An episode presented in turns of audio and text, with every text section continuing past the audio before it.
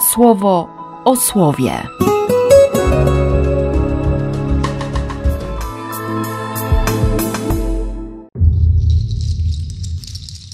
17 grudnia, piątek. Z Księgi Rodzaju. Jakub kazał przywołać swoich synów i rzekł im: Przyjdźcie razem i posłuchajcie, synowie Jakuba, posłuchajcie Izraela, swojego ojca. Oby, o Judo, twoi bracia chcieli cię wysławiać. Twoje ręce na karku twych wrogów. Będą ci się kłaniać synowie twego ojca. Szczenięciem lwa, Juda ty, synu mój, z młodych wyszedłeś latorośli. Znalazłszy legowisko, zasnąłeś jak lew i jak młode lwa. Kto się ośmieli go budzić? Nie zabraknie wodza z Judy, przewodnika z jego lędźwi, aż przyjdą wydarzenia dla niego odłożone. On oczekiwaniem narodów. Do winorośli przywiąże swe źrebie, źrebie swego osła do młodego pędu, swe szaty w winie prać będzie – w soku winogron swoje odzienie. Od wina jaśniejące ma oczy, zęby jego bielsze od mleka. Z Ewangelii według świętego Mateusza. Rodowód Jezusa Chrystusa, syna Dawida, syna Abrahama. Abraham zrodził Izaaka, Izaak zrodził Jakuba, a Jakub zrodził Judę i jego braci, a Juda zrodził Faresa i Zares Tamar. A Fares zrodził Esroma, a Ezrom zrodził Arama, a Aram zrodził Aminadaba, a Aminadab zrodził Nasona, a Nason zrodził Salmona, a Salmon zrodził Boza z Rahab, a Boz zrodził Jobeda z Rut, a Jobed zrodził Jessego, a Jesse zrodził Dawida, króla.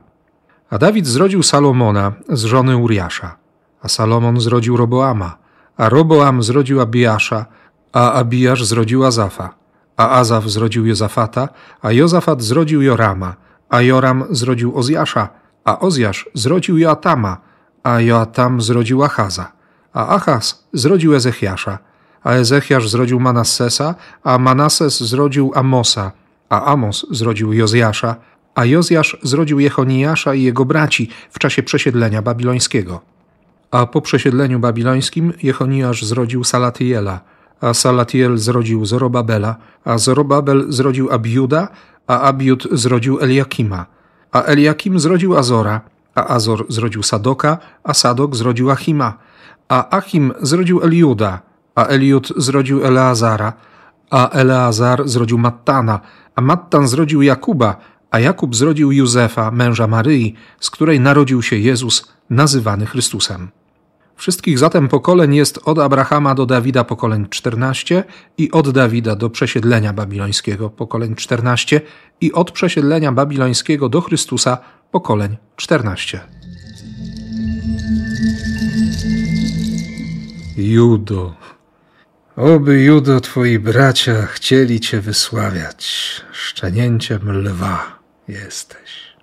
Nie Ruben, pierworodny, nie później wymienieni w tym 49 rozdziale podczas błogosławieństwa Symeon i Lewi, ale właśnie Juda się dzisiaj pojawia w pierwszym czytaniu na rozpoczęcie, na otwarcie tej drugiej części Adwentu. No i to właśnie on jest w linii genealogicznej Jezusa Chrystusa. Wystarczy zajrzeć do 37 rozdziału, do 38 Ruben chce ocalić Józefa, którego bracia postanowili zabić, no z czystej, niekłamanej, autentycznej nienawiści. Nie bijmy go tak, by aż życie mu odebrać. Nie przelewajcie krwi. Miał zamiar uwolnić Józefa i go odesłać kopniakiem pewnie do domu, żeby, żeby szybko wracał do ojca.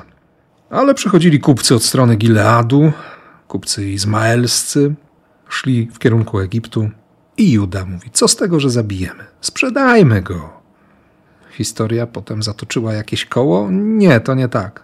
Ale, ale 15 wieków później sprzedano innego człowieka. Józefa sprzedali bracia Izmaelitom za 20 sztuk złota.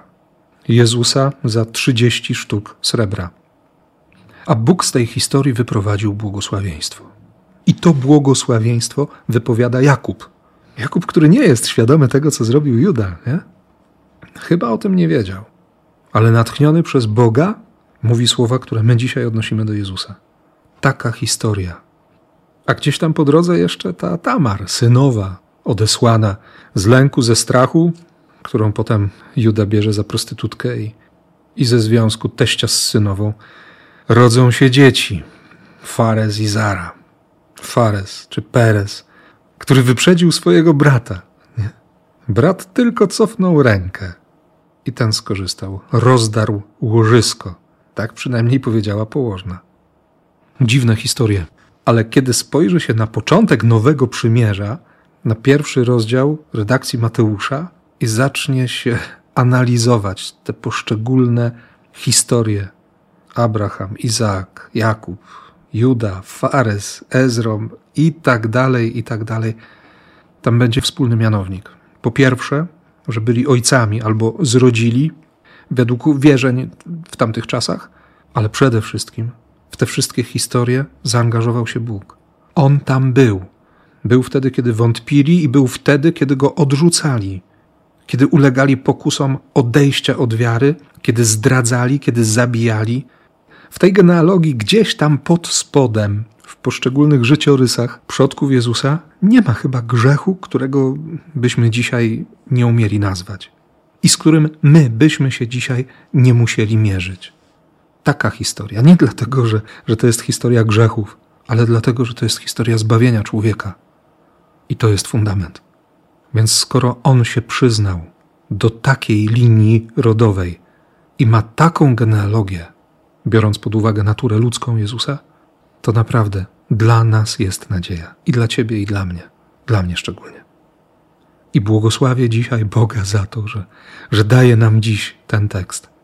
Wierzę, że to jest jeden z moich ulubionych fragmentów Ewangelii.